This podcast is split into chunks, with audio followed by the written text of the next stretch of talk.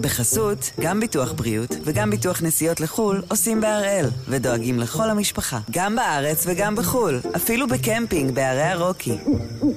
כן, גם שם, כפוף לתנאי הפוליסה וסייגיה ולהנחיות החיתום של החברה. היום יום ראשון, 7 באוגוסט, ואנחנו אחד ביום, מבית N12.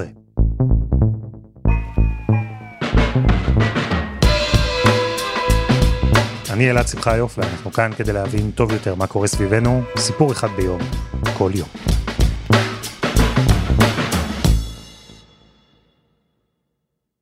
חשבתי שזה בגלל המרחק, אולי זה הקיץ, לא יודע. אבל אני מודה שההסלמה הזו בעזה, המבצע הצבאי, התמונות המוכרות האלה, הכל תפס אותי הפעם לא ממש מוכן, בהפתעה. וחשבתי שזה רק אני.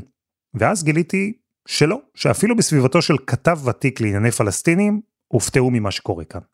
אשתי שואלת אותי הבוקר, תגיד, איך יכול להיות? מה, לא ידעתי, מה קרה פה בעצם? אה, יומיים וחצי אני עוצמת עיניים ופתאום אנחנו באמצע מערכה ברצועת עזה, מה קרה פה? אז לטובתי, לטובת אשתו של חמו, לטובת כל אלו מכם שמרגישים שקצת פספסו איך הגענו פתאום לסבב צבאי נוסף בדרום, נסביר צעד אחרי צעד, איך בדיוק התחיל מבצע עלות השחר.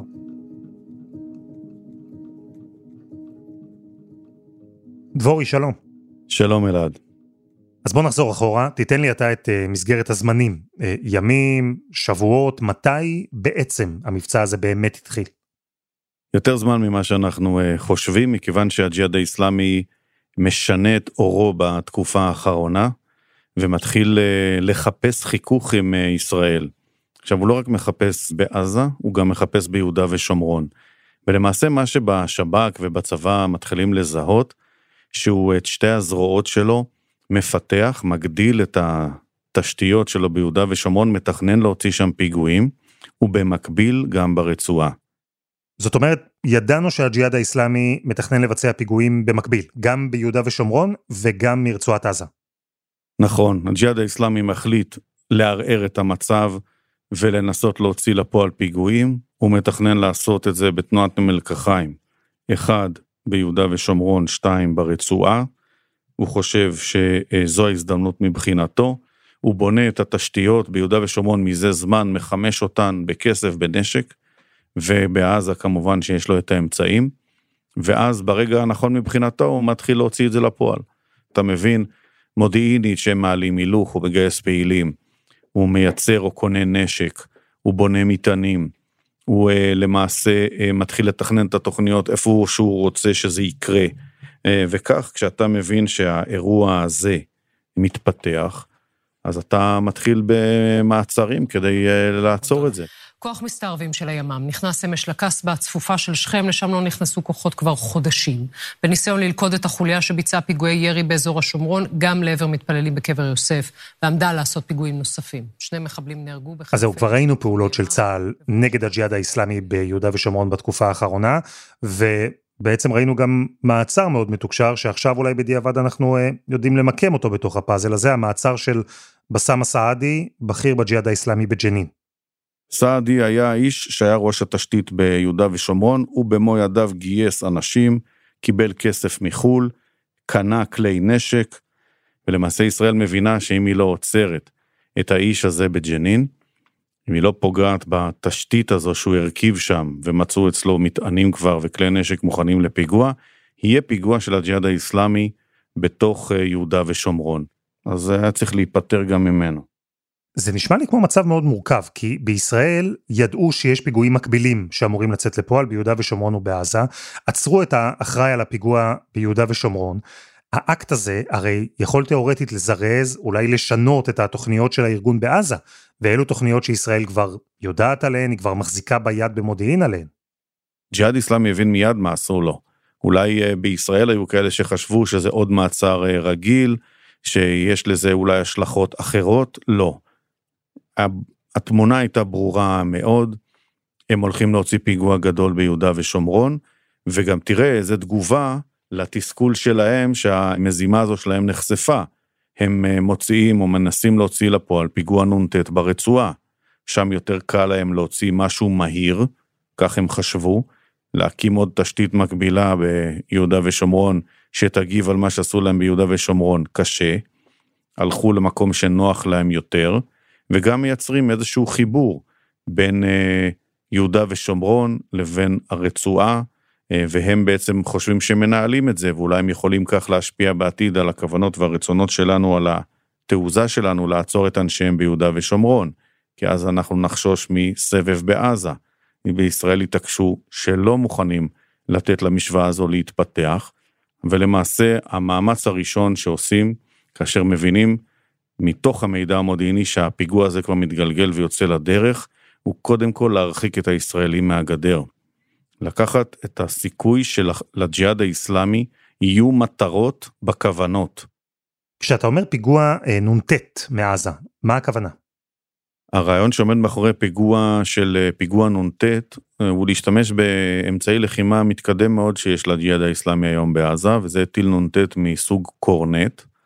הוא מתוצרת רוסית, והוא אה, טיל מדויק מאוד שאתה מסמן אותו, את המטרה בקרן לייזר, ואתה בעצם משגר את הטיל, הוא רוכב על קרן הלייזר הזו בדרך למטרה אל היעד, והוא בגלל זה מאוד מדויק.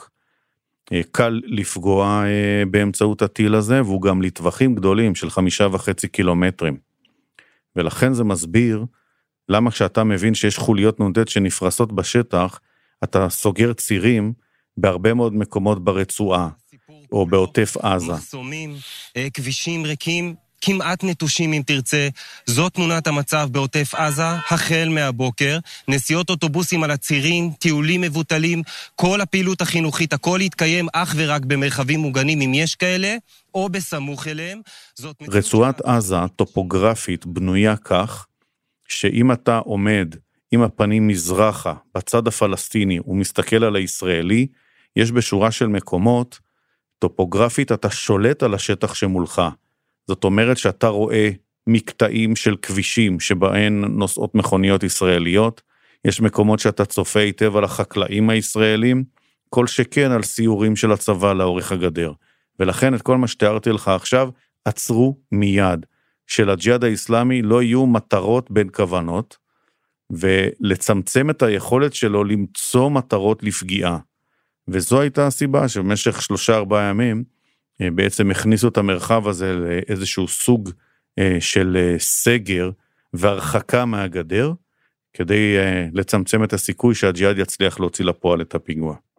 אוקיי, okay, אז בישראל סיכלו את הפיגוע שאמור היה לצאת מיהודה ושומרון עם אותו מעצר של סעדי בג'נין.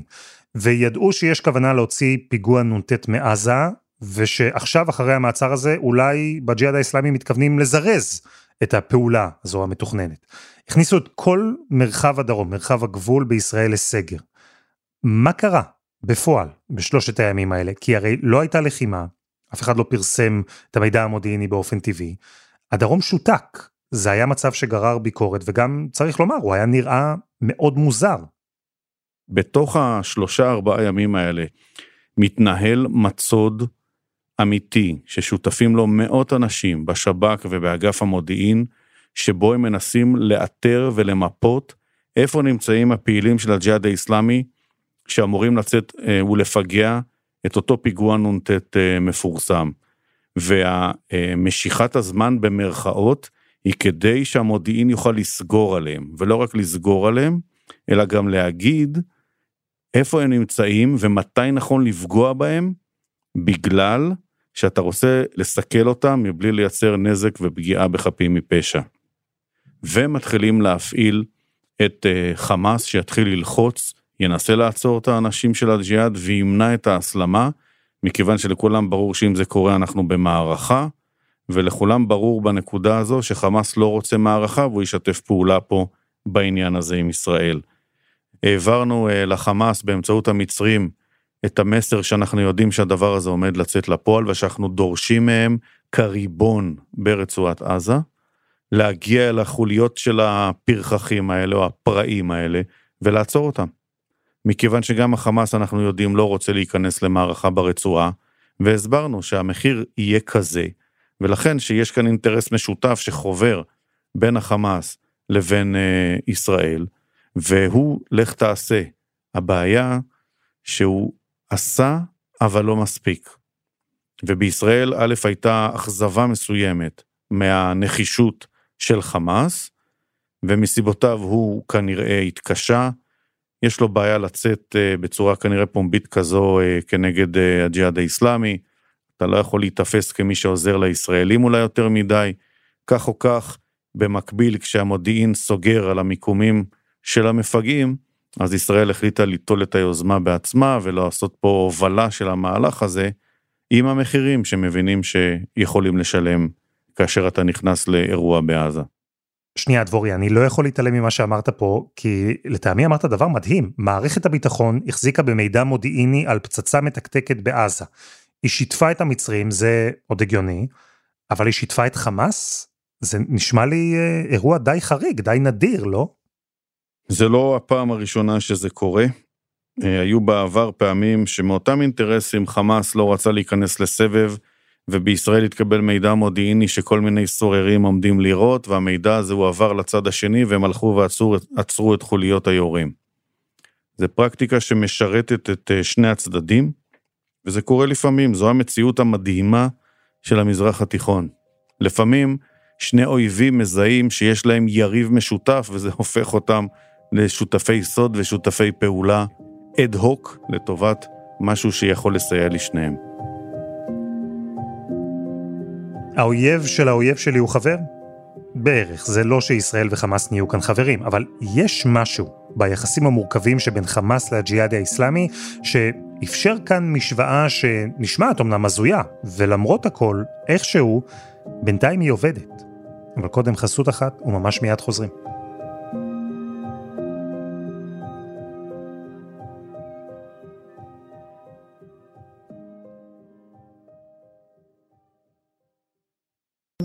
בחסות, גם ביטוח בריאות וגם ביטוח נסיעות לחו"ל עושים בהראל, ודואגים לכל המשפחה, גם בארץ וגם בחו"ל, אפילו בקמפינג בערי הרוקי. כן, גם שם, כפוף לתנאי הפוליסה וסייגיה ולהנחיות החיתום של החברה. אנחנו משחזרים את השבועות, את הימים וגם את השעות שהובילו למבצע עלות השחר בעזה.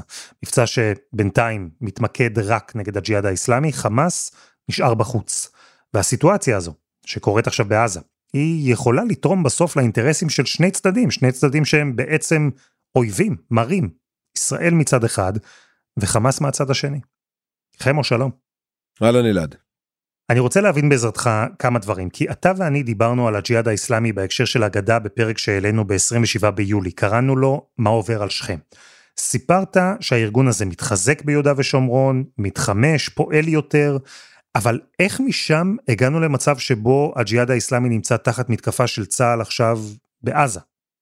כן, אנחנו דיברנו על אה, הג'יהאד האיסלאמי בגדה ושני המעוזים או המעוז בה"א הידיעה הגדול שלו באמת מחנה הפליטים ג'נין, משם הוא מתפרס ודיברנו על זה, מתפרס למקומות אחרים, למשל לשכם אה, וכיוצא בזה, וזה באמת האתגר הגדול ביותר, כאב הראש הגדול ביותר גם של השב"כ, צה"ל ומנגנוני הביטחון הפלסטינים בתקופה האחרונה, בחודשים האחרונים בגדה, דיברנו על זה לא מעט.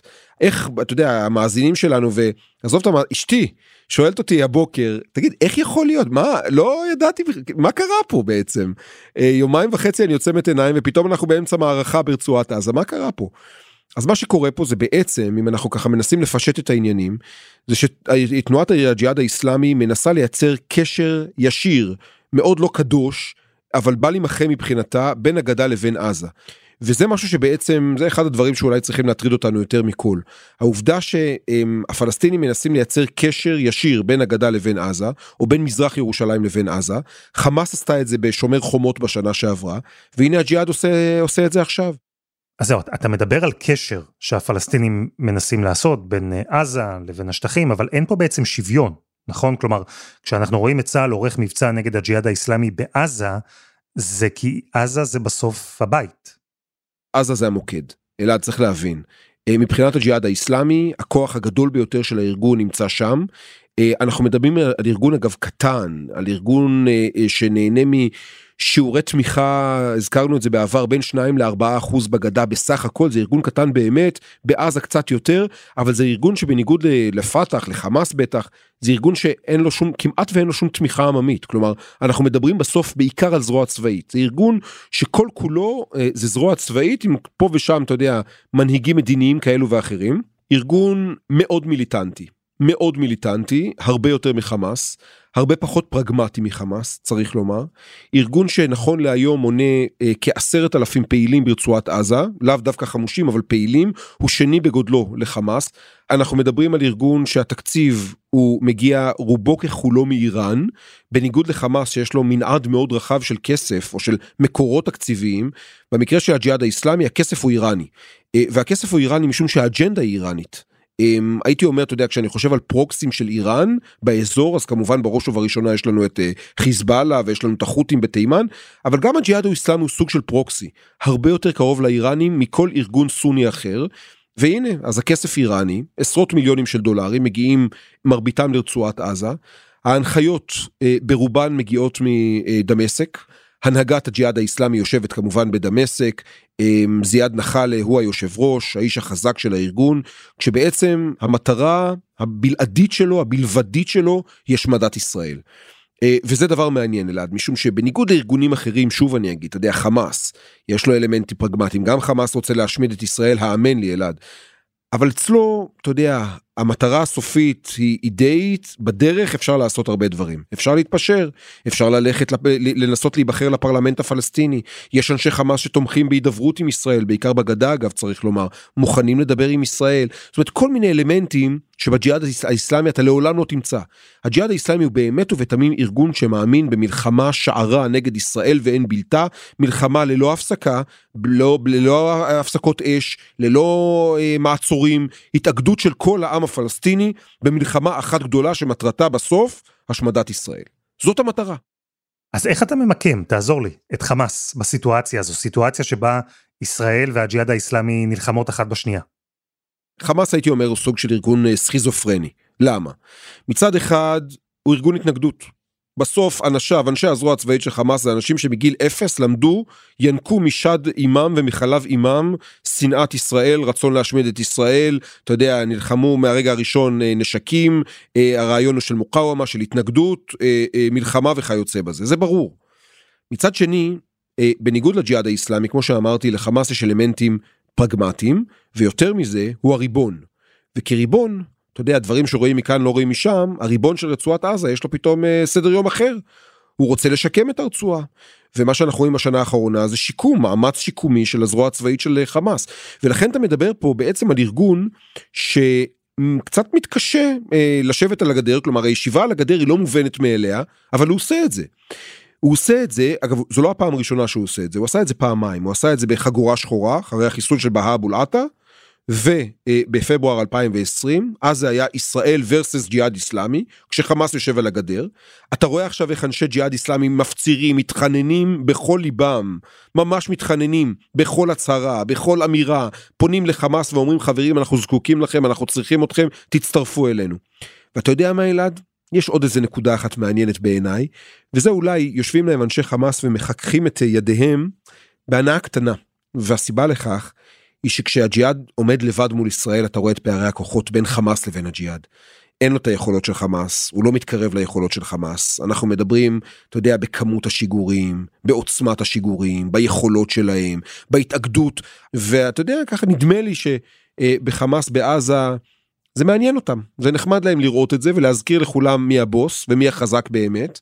אה, ואתה יודע, הג'יהאד האיסלאמי גם הוא, הוא, הוא קצת בעייתי מבחינת חמאס בסוף. בוא, אלעד, אנחנו מדברים על ארגון שמאתגר אותם כי הוא אומר חמאס אתם משמר הגבול הישראלי. ואתם שכחתם את התפקיד שלכם אתם פעם הייתם ארגון התנגדות אבל הכסף כנראה עיוור את עיניכם והריבונות עברה את עיניכם התברגנתם הפכתם לבורגנים.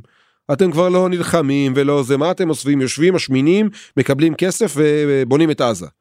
איפה ההתנגדות איפה המלחמה מה קורה לכם ואתה שומע הם סונטים בהם באמת כולל ברשתות חברתיות זה מאוד מעניין לעקוב אחרי זה אז הנה, אומר חמאס בשקט בשקט, בבקשה, אתם רציתם מלחמה, אה, אה, קבלו אותה, אבל, אבל השורה התחתונה שלי והיא חשובה. זה לא מובן מאליו. העובדה שחמאס יושב מחוץ לתמונה זה לא מובן מאליו כי בסוף המוחמד האחמד או המחמוד אה, איש הזרוע הצבאית של חמאס שיושב בג'באליה בדיר אל בלח או בשוג'אעיה מדגדג לו להיכנס לאירוע הזה צריך להבין את זה ולכן פה אחד האתגרים הגדולים של ישראל זה באמת להשאיר את חמאס מחוץ לתמונה. Uh, אתה עושה את זה באמצעות זה שאתה תוקף רק אנשי ג'יהאד איסלאמי, רק מטרות של הג'יהאד האיסלאמי, מנסה למזער מה שקוראים לזה בשפה, בעגה הצה"לית, uh, פגיעה אגבית או פגיעה, uh, אתה יודע, של אזרחים בלתי מעורבים וכיוצא בזה. ואז יבוא מי שיאמר אגב, רגע, אז איפה אתה, איפה הטלת הריבונות על חמאס? את, ישראל, את מדברת על זה שחמאס הוא הריבון כבר uh, מאז 2007, כבר הרבה מאוד שנים. ואז בא ג'יהאד איסלאמי ויורה מתוך עזה ונלחם מתוך עזה. ובמקום להילחם בחמאס כי הוא הריבון והוא בעל הבית, ישראל בעצם פוגעת רק בג'יהאד האיסלאמי. אז יכול להיות שישראל בעצם באקט הזה מסירה אחריות מחמאס? והתשובה היא כן, ישראל מסירה אחריות מחמאס, משום שנדמה לי שהמחיר שישראל תשלם אם היא תטיל על חמאס את האחריות על הג'יהאד, הוא מחיר כבד, הוא מחיר כבד. דבורי, אחרי שבישראל פנו למצרים, ודרך המצרים לחמאס, אז הבינו בישראל שחמאס לא בדיוק יכול, אולי הוא גם לא ממש רוצה, לסכל את הפיגוע הזה שעומד לצאת לפועל אה, מעזה. אבל אולי ברגע הזה בישראל גם הבינו שכמו בכמה הזדמנויות בעבר, חמאס הפעם לא ייכנס לעימות גדול אם ישראל תתמקד בג'יהאד האיסלאמי בלבד. בשלב הזה, הדרום עדיין היה בסגר, אמרנו, כלפי חוץ הסגר הזה היה נראה מאוד מוזר. מה קרה משם? ביום שישי, סביב שתיים בצהריים, מגיע המידע הנקודתי על מיקומו של אה, ג'עברי, שהוא בעצם עומד כמי שמוציא את הפיגוע הזה לפועל, וגם שורה של פעילים עם טילי נ"ט ביד, שנפרסים בשש עמדות לאורך קו הגבול עם ישראל.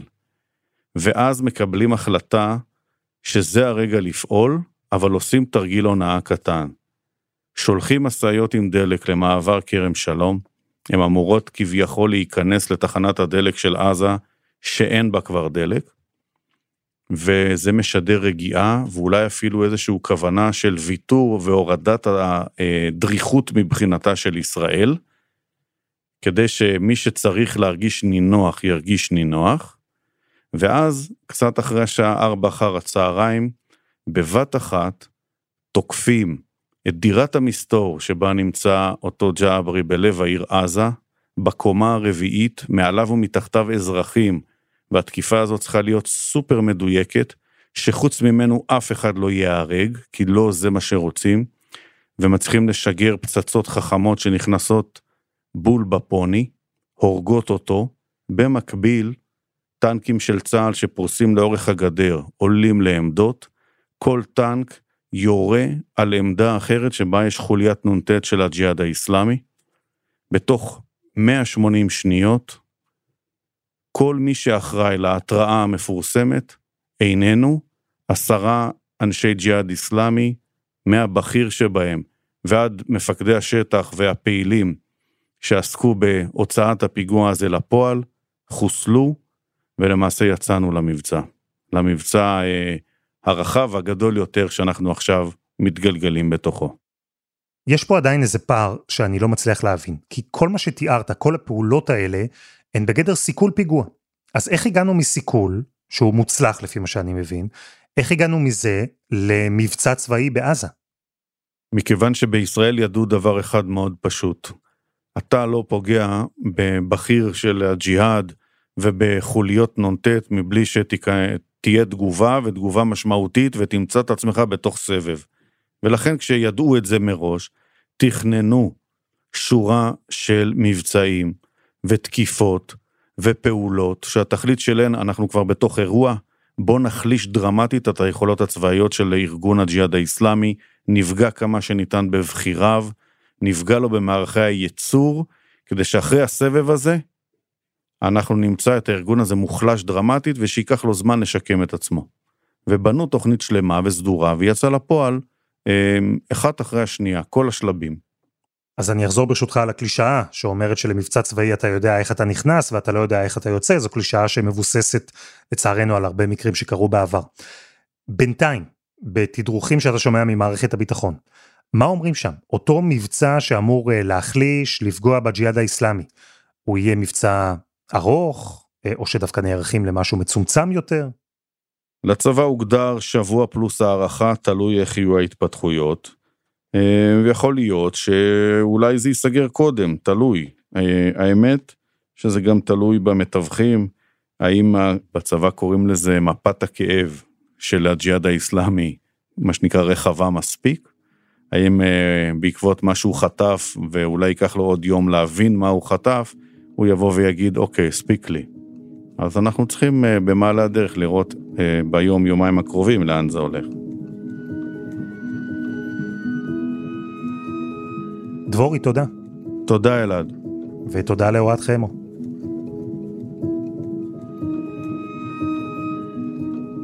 וזה היה אחד ביום של N12. אנחנו גם בפייסבוק, חפשו אחד ביום, הפודקאסט היומי. העורך שלנו הוא רום אטיק, תחקיר והפקה דני נודלמן, רוני ארניב ועדי חצרוני, על הסאונד יאיר בשן שגם יצר את מוזיקת הפתיחה שלנו, ואני אלעד שמחיוף, גדעון אוקו יהיה כאן מחר.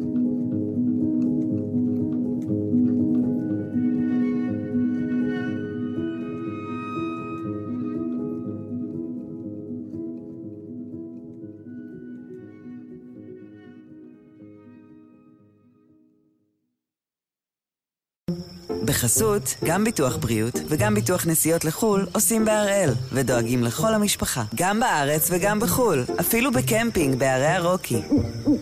כן, גם שם, כפוף לתנאי הפוליסה וסייגיה ולהנחיות החיתום של החברה.